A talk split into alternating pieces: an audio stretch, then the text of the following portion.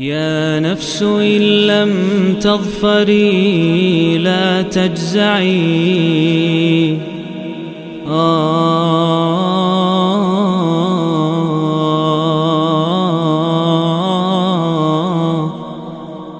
Bismillah, alhamdulillah, wassalatu wassalamu ala rasulillahi amma ba'd Ini adalah audio yang ke-74 dari serial 114 hari menyambut bulan Ramadan dan kita di surat Al-Muddathir Surat Al-Muddathir merupakan surat Makiyah yang turun setelah surat Al-Muzammil Berarti urutan nomor 4 ya Sebelum surat Al-Fatihah Terdiri dari 56 ayat, surat ini disebut dengan nama Al-Muddathir karena ayat pertamanya Ya ayyuhal muddathir Wahai orang yang berkemul, berselimut.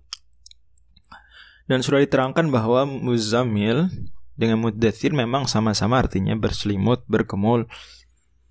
Tetapi bedanya kalau al-muzammil itu selimutnya dikesankan sebagai sesuatu yang tebal dan berat. Adapun kalau mudathir maka tidak demikian.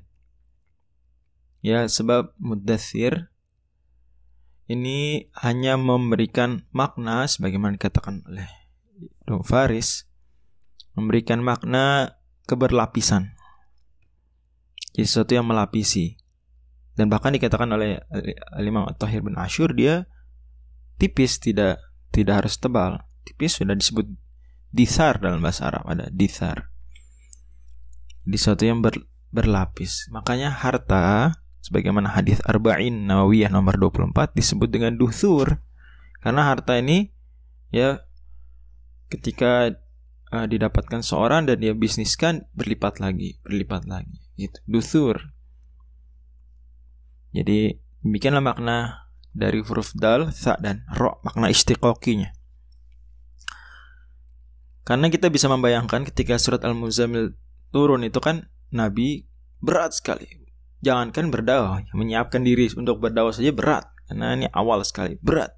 Kemudian Nabi dibimbing untuk melakukan amalan-amalan yang menguatkan ruhiyah beliau, menguatkan maknawiyah beliau, menguatkan jiwa, psikis, mental beliau untuk berdakwah. Sehingga kemudian menjadi ringan, ya. Dari berat menjadi apa? Menjadi ringan. Sehingga kali ini panggilannya ya ayyuhal mudathir Tetap dia Nabi SAW harus disemangati juga untuk bangkit berdakwah, tapi sekarang lebih ringan dibanding yang kali pertama. Wallahu a'lam Dan itu juga sekaligus tema besar dari surat ini bangkit berdakwah dan hubungannya dengan nama surat sudah dijelaskan tadi. Allah Subhanahu wa taala di surat Al-Mudathir ini memberikan di awal-awal surat arahan-arahan untuk berdakwah bagaimana itu seharusnya dilakukan. Maka kata Allah Subhanahu wa taala, "Qum fa'anzir." Bangkitlah.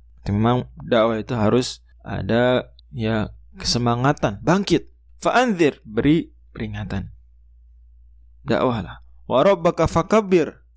Dan hanya Robmu sajalah ini Rob bakal dikedepankan mencerminkan di antaranya adalah hasar pembatasan. Hanya Robmu sajalah yang kau besarkan, bukan kelompokmu, bukan dirimu bahkan, tetapi adalah ajaran Tuhanmu yang kau besarkan. Dan juga jangan lupa bahwa dakwah itu harus memuliakan Allah Subhanahu wa taala dan di antara bentuk pemuliaan Allah dalam dakwah adalah prioritaskan tauhid. Wa thiyabaka fatahhir. Pakaianmu bersihkanlah. Berarti di sini pentingnya seorang pendakwah untuk memperhatikan penampilannya, bersih pakaiannya, ya. Atau kalau di tadaburi dengan uh, tafsir isyari, berarti jiwamu juga apa? Kalau pakaian saja dibersihkan, maka jiwa si pendakwah lebih harus harus lagi dibersihkan karena dakwah pada akhirnya dari hati ke hati. Penampilan, fisik, pakaian itu urusan yang tidak terlalu primer sebetulnya dan itu pun Allah suruh bersihkan maka apalagi jiwa yang itu sebetulnya inti dari pendakwa itu jiwanya si pendakwa bersihkan wathiyabaka fatahir warrujuz fahjur. Arrujuz tafsiran dua. Yang pertama kemusyrikan. Kemusyrikan tinggalkanlah berhala tinggalkanlah.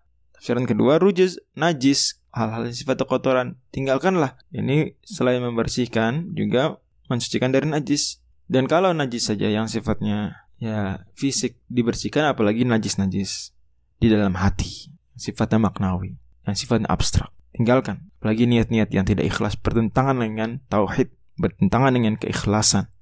Itu bagian juga unsur-unsur rujus, keberhalaan, unsur-unsur kemusyrikan. Kemudian di antara resep dakwah juga wala tamnun tastakthir. Jangan kamu berdakwah itu kemudian apa? Uh, menganggap orang lain telah berhutang pada engkau. Berdakwah dengan mental kalian nih semua nih kalau nggak saya dakwahi nggak dapat hidayah kalian berhutang sama saya. Itu tamnun nggak boleh seperti itu. Tas taksi nggak boleh juga dakwah sekadar untuk berharap dapat balasan duniawi yang lebih banyak. Oh, saya berdakwah berkorban nanti Allah berikan rezeki yang banyak buat saya. Bukan berarti itu tidak terjadi atau itu tidak Allah janjikan misalnya. Bukan itu poinnya, tapi poinnya adalah Anda berarti gimana masa niat berdakwah atau niat beramal soleh untuk mendapat ganti duniawi. Semestinya niat Anda berusaha tulus ukhrawi, akhirat balasannya. Urusan di dunia dapat balasan atau tidak itu urusan lain. Tas takfir juga jangan berdakwah berharap tadi memperbanyak followers, memperbanyak subscribers misalnya, bukan berarti memperbanyak tersebut dengan tujuan-tujuan tertentu apa terlalu mutlak tidak tidak seperti pembahasannya tapi coba untuk mengikhlaskan betul niat dan niat ini memang perjuangan besar untuk mengikhlaskan. Jadi dari awal juga di sini ada etika dakwah, seni berdakwah, ya kemudian juga adab ada berdakwah disebutkan di sini. Dan terakhir Allah bilang wali rabbika fasbir dan hanya lillahi ta'ala saja engkau hendaknya ber, bersabar dakwah butuh kesabaran. Kemudian Allah Subhanahu wa taala sebutkan di antara contoh ada penentang dakwah yang dia menuduh-nuduh yang tidak-tidak kepada uh, Al-Qur'an kepada agama Islam. Kata Allah, "Dzarni wa man khalaqtu wahida" ayat 11 dan seterusnya sebutkan. Dia dia bukan orang sembarang, orang kaya, orang terpandang. Menuduh yang tidak-tidak.